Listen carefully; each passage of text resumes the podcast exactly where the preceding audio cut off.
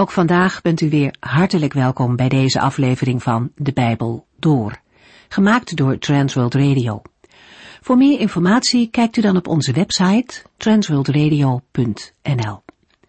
In deze serie gaat u in vijf jaar tijd met ons de Bijbel door, van Genesis 1 tot en met het laatste vers in Openbaring 22.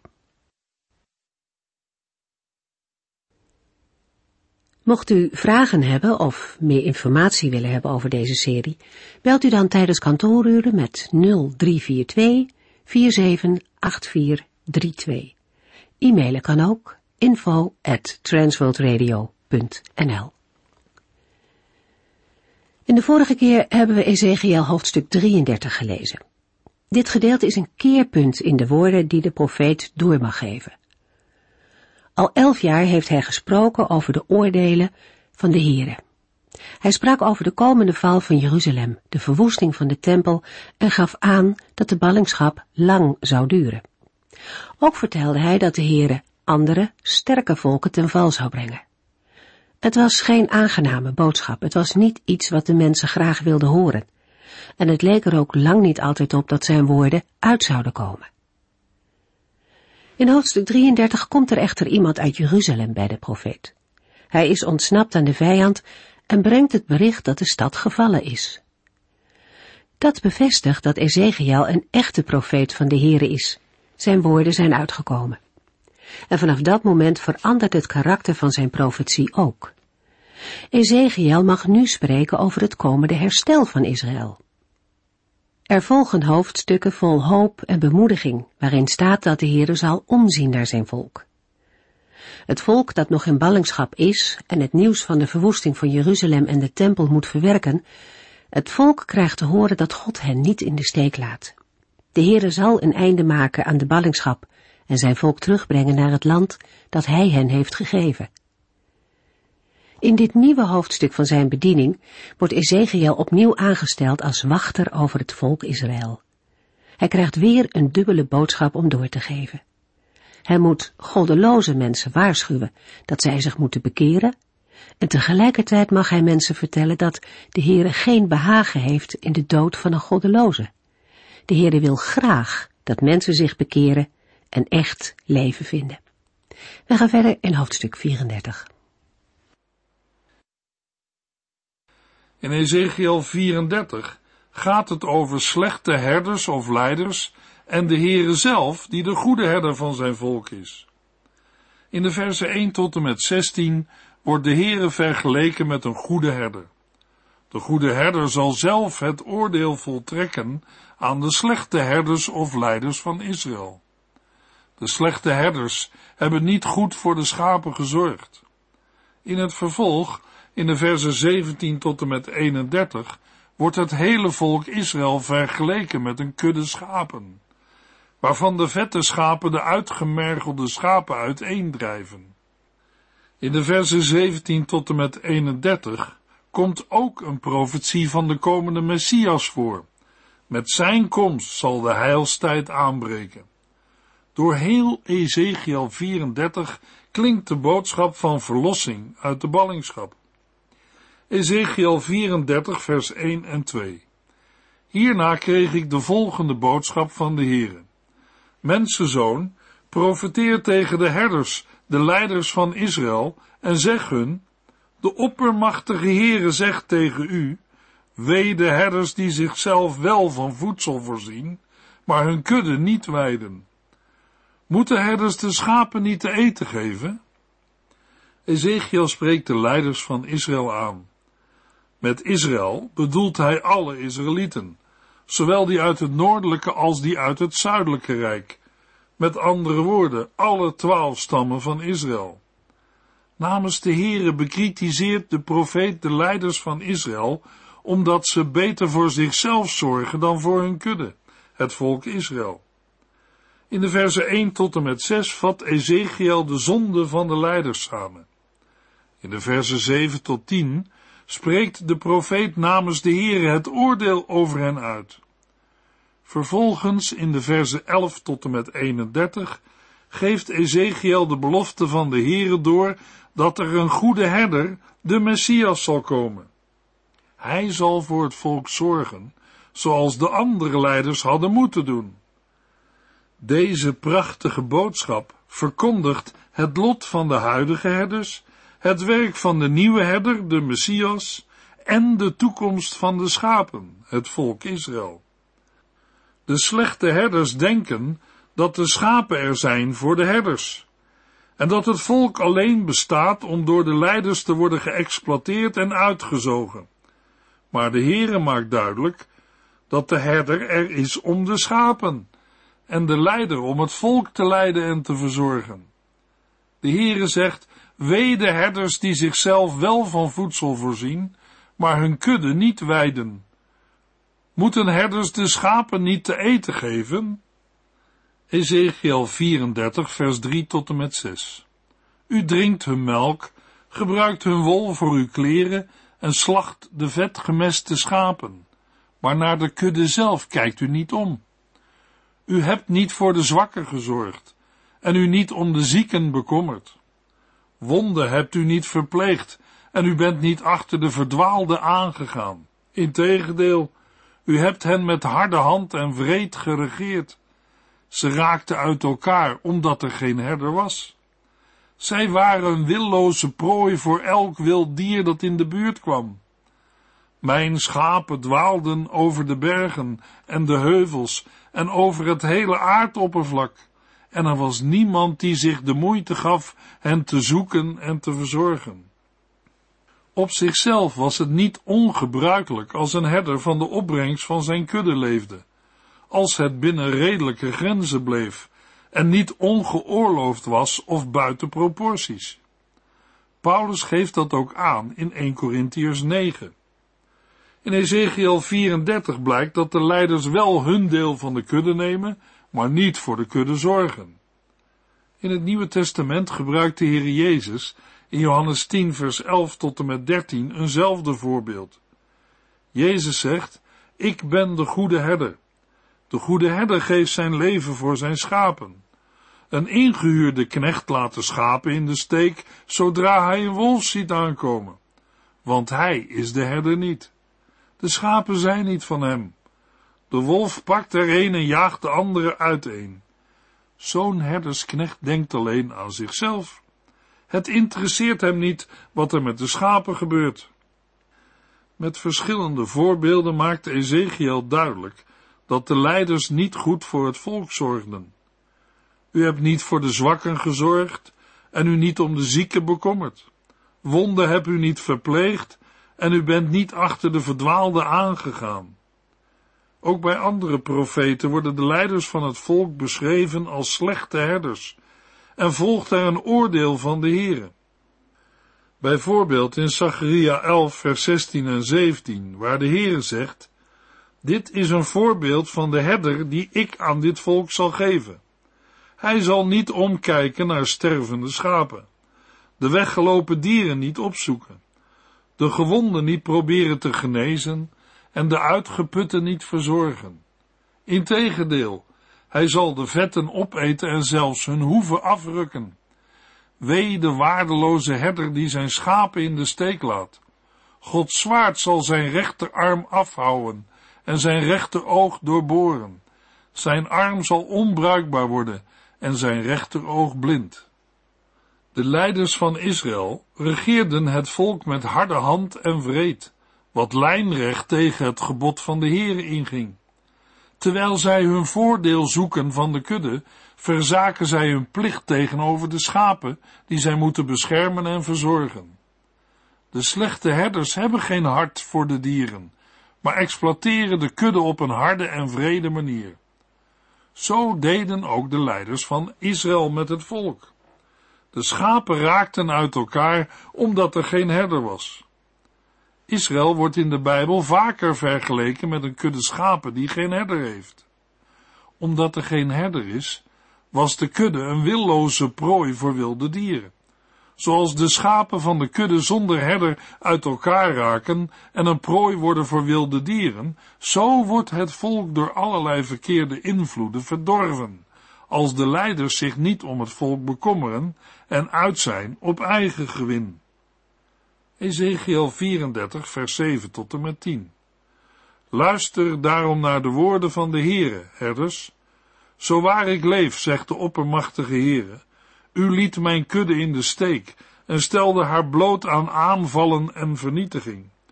U gedroeg zich in geen enkel opzicht als echte herders, want u ging niet op zoek naar hen. U zorgde er wel voor dat u zelf genoeg te eten had, maar liet de schapen aan hun eigen lot over. Daarom heb ik mij tegen de herders gekeerd en houd ik hen verantwoordelijk voor wat er met mijn kudde is gebeurd. Ik zal hen weghalen bij de kudde en niet toestaan dat zij mijn schapen ooit weer weiden. Het zal gedaan zijn met dat zichzelf bevoordelen. Ik zal mijn kudde redden van het lot als voedsel te dienen voor de herders. De herders staan schuldig tegenover de kudde, maar meer nog tegenover de heren, want het is zijn kudde en zijn volk, dat zij blootstelde aan aanvallen en vernietiging. De Heere houdt de herders en leiders verantwoordelijk, omdat hij hen zelf heeft aangesteld. De Heere roept de ontrouwe herders ter verantwoording en zet hen af. Dat betekent redding voor de schapen, die van hun slechte verzorgers worden verlost. Het zal gedaan zijn met dat zichzelf bevoordelen. Ik zal mijn kudde redden van het lot als voedsel te dienen voor de herders. De leiders zullen het volk niet langer uitbuiten. Ezekiel 34, vers 11 tot en met 13. Want de oppermachtige Heer zegt, ik zal mijn schapen zoeken en voor hen zorgen. Ik zal zijn als een goede herder die voor zijn kudde zorgt. Ik zal mijn schapen vinden en hen redden uit al die plaatsen, waar zij op die donkere en bewolkte dag terechtgekomen zijn. Ik zal hen weghalen uit de volken, bij wie zij verbleven en terugbrengen naar hun eigen land Israël. Ik zal hen voeden op de bergen van Israël en in de vruchtbare dalen waar het goed wonen is. De plaats van de slechte herders zal de Heere zelf innemen. Hij zal zijn verstrooide schapen weghalen uit de volken bij wie zij verbleven en terugbrengen naar hun eigen land Israël en in de vruchtbare dalen waar het goed wonen is. De woorden, waar zij op die donkere en bewolkte dag terechtgekomen zijn, wijzen naar de dag van de verwoesting van Jeruzalem. Die dag is ook een dag van oordeel, omdat het profetisch heenwijst naar de grote dag van de Heere.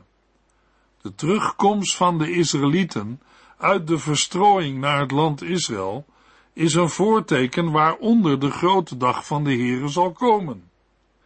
Ezekiel 34 vers 14 tot en met 16 Ja, ik zal hun goede weidegrond geven op de hoge heuvels van Israël.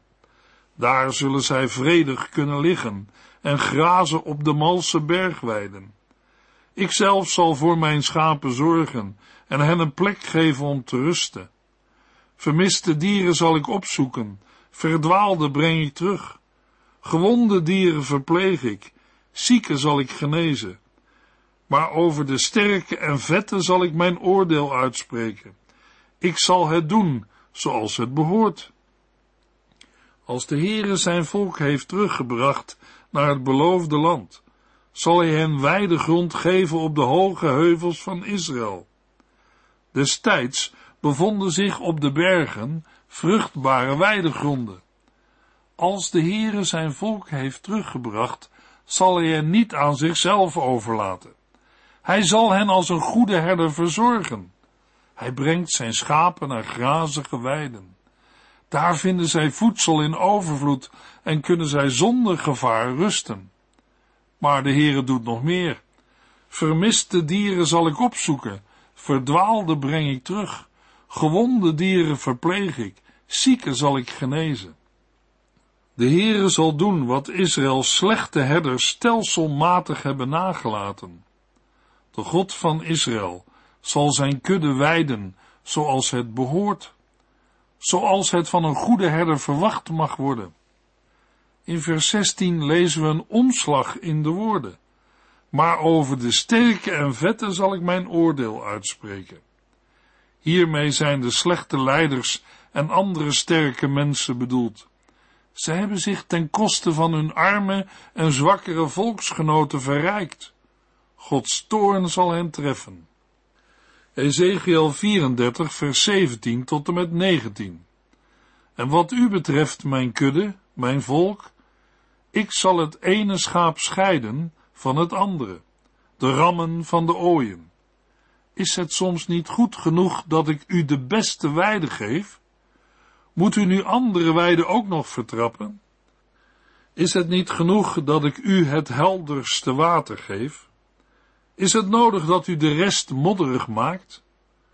Alles wat voor mijn kudde is overgebleven, hebt u vertrapt. Alles wat zij te drinken hebben, is water dat u smerig hebt gemaakt. De sterke en vette schapen worden bestraft, omdat zij de anderen verdringen en hun voedsel, drinkwater, bederven. Het zijn Israëlieten die het gewoon vonden door onrecht en geweldpleging zich ten koste van hun volksgenoten te bevoordelen. Wat uiteindelijk voor de anderen is overgebleven, is waardeloos. Het is vertrapt of smerig gemaakt. Ezekiel 34, vers 20 tot en met 22. Daarom zegt de oppermachtige Heere, ik zal orde op zaken stellen tussen de vette en uitgemergelde schapen. Want de vette schapen duwen, jagen en schuiven net zo lang met hun schouders en horens, tot zij mijn zieke en hongerige schapen hebben uiteengedreven. Daarom zal ik mijn kudde zelf in veiligheid brengen. Zij zal niet langer worden mishandeld. En ik zal recht spreken tussen het ene schaap en het andere. Met het beeld van het recht van de sterkste, dat in de kudde heerst, wordt het gedrag getekend van de Israëlieten, die met onrecht en brutaal geweld hun macht uitbuiten. De gevolgen hebben we in vers 19 gelezen. De Heere zal rechtvaardig oordelen en de zwakken of uitgemergelde schapen beschermen tegen het geweld van de sterke en vette schapen. Ezekiel 34, vers 23 en 24. En ik zal één herder aanstellen over mijn kudde, en dat is mijn dienaar David. Hij zal hun te eten geven en een herder voor hen zijn. En ik, de Heere, zal hun God zijn, en mijn dienaar David zal hun koning zijn. Ik, de Heere, heb gesproken. In tegenstelling tot de slechte herders of leiders van Gods volk, zal de Heere een volmaakte herder sturen, de Messias, mijn dienaar David, die aandacht zal schenken aan elke behoefte van zijn volk, en die een koninkrijk zal stichten van volmaakte vrede en rechtvaardigheid. De Heere zal aan Israël een koning geven uit de familie van David. Hij is in absolute zin van het woord een man naar Gods hart. Daarmee gaat de profetie in Ezekiel ver uit boven de tijd van betrekkelijke rust en vrede die voor Israël na de terugkeer uit de ballingschap aanbreekt. Deze blijft wel binnen het gezichtsveld, maar wijst heen naar de wederkomst van Christus, de Messias. Ezekiel 34, vers 25. Ik zal een vredesverdrag met hen sluiten en de gevaarlijke wilde dieren uit het land wegjagen, zodat mijn volk veilig kan wonen in de woestijn en ongestoord kan slapen in de bossen. De Heere sluit een verbond dat volkomen vrede en veiligheid waarborgt. Het uit ballingschap teruggekeerde Israël zal deze rust eerst voorlopig en gebrekkig in het beloofde land ervaren. De beloofde vrede, die voortvloeit uit de verzoening die door Christus tussen God en mens tot stand is gebracht, zal pas volmaakt zijn als het koninkrijk van de Messias komt en alles hem onderworpen zal zijn. We lezen deze belofte ook in Ezekiel 36, vers 26 tot en met 28, waar de Heere zegt, Ik zal een vredesverbond met hen sluiten, een eeuwigdurend verdrag. Ik zal hen zegenen en vermenigvuldigen, en mijn tempel zal ik voor altijd in hun midden plaatsen. Ik zal te midden van hen gaan wonen. Ja, Ik zal hun God zijn en zij zullen mijn volk zijn. Wanneer mijn heiligdom voor eeuwig in hun midden blijft, zullen de volken weten dat ik, de Heere, Israël heb afgezonderd om mijn volk te zijn. Ezekiel 34, vers 26 en 27. Ik zal mijn volk en zijn woningen rond mijn heuvel zegenen.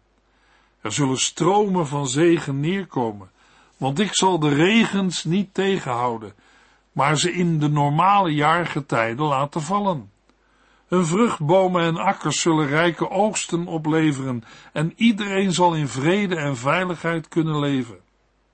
Als ik hun slavenketens heb gebroken en hen heb gered uit de macht van hun onderdrukkers, zullen zij weten dat ik de Heer ben. Met mijn heuvel is de berg Sion bedoeld.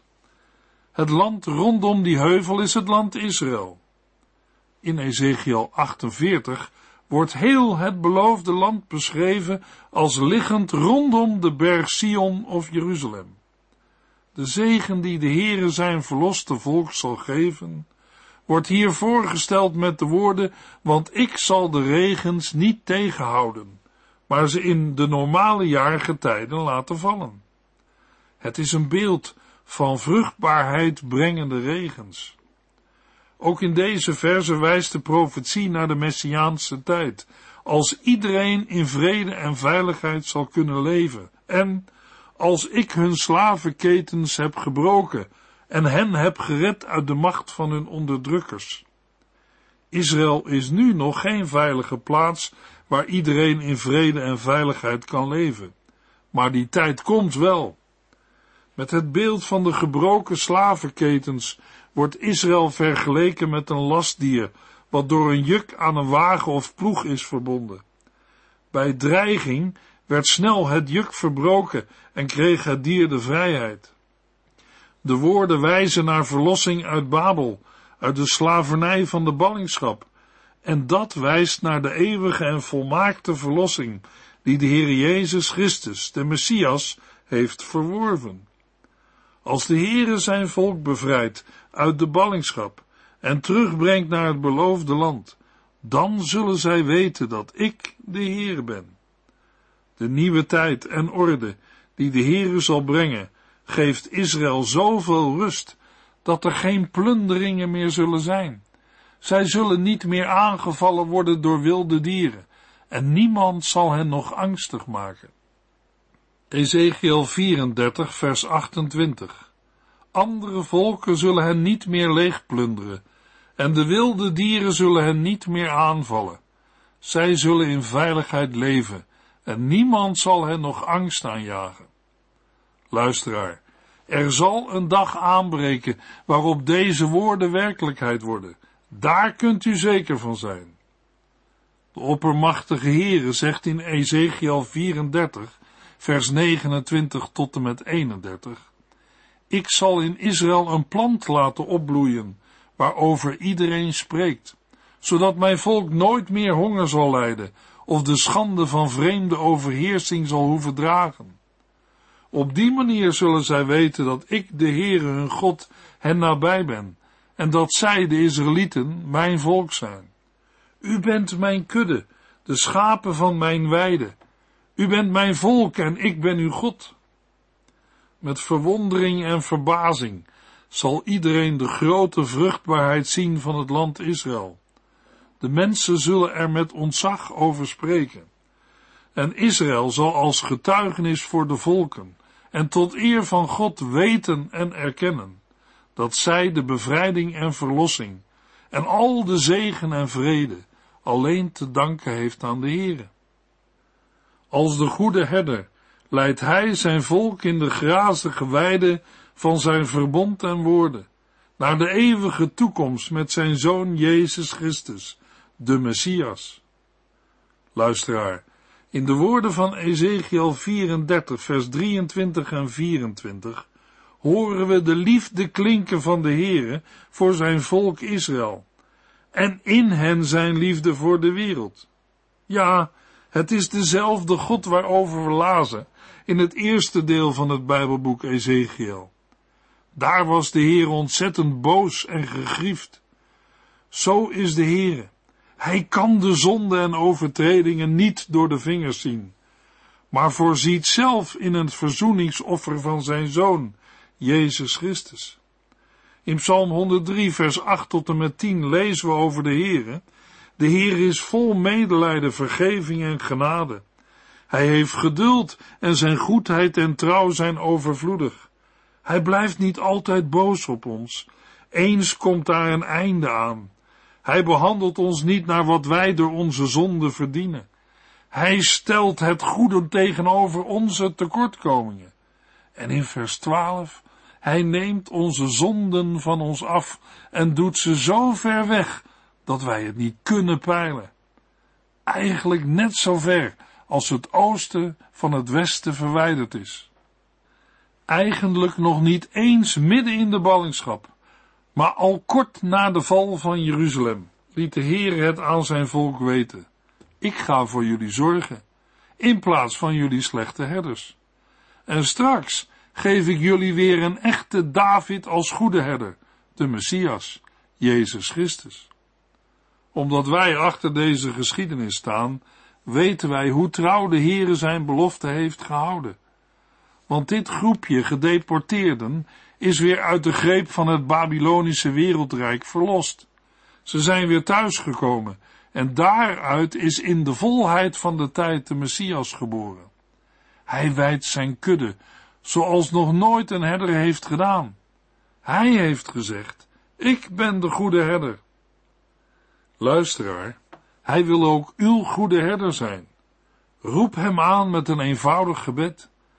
Vraag hem of hij u en jou wil maken tot een schaap van zijn kudde. In de volgende uitzending lezen we Ezekiel 35 en 36. U heeft geluisterd naar De Bijbel Door, in het Nederlands vertaald en bewerkt door Transworld Radio. Een programma waarin we in vijf jaar tijd de hele Bijbel doorgaan. Als u wilt reageren op deze uitzending of u heeft vragen, dan kunt u contact met ons opnemen. Tijdens kantooruren kunt u bellen op 0342 478432. 0342 478432. Ook kunt u een e-mail sturen naar de transworldradio.nl en natuurlijk kunt u ook via de post ons bereiken. TWR, postbus 371, postcode 3770, AJ in Barneveld. Dit programma werd gepresenteerd door Cor Weda en Ike André. Techniek was in handen van Odin van Voorkom. En wij allemaal bedanken u voor het luisteren. Graag tot de volgende keer.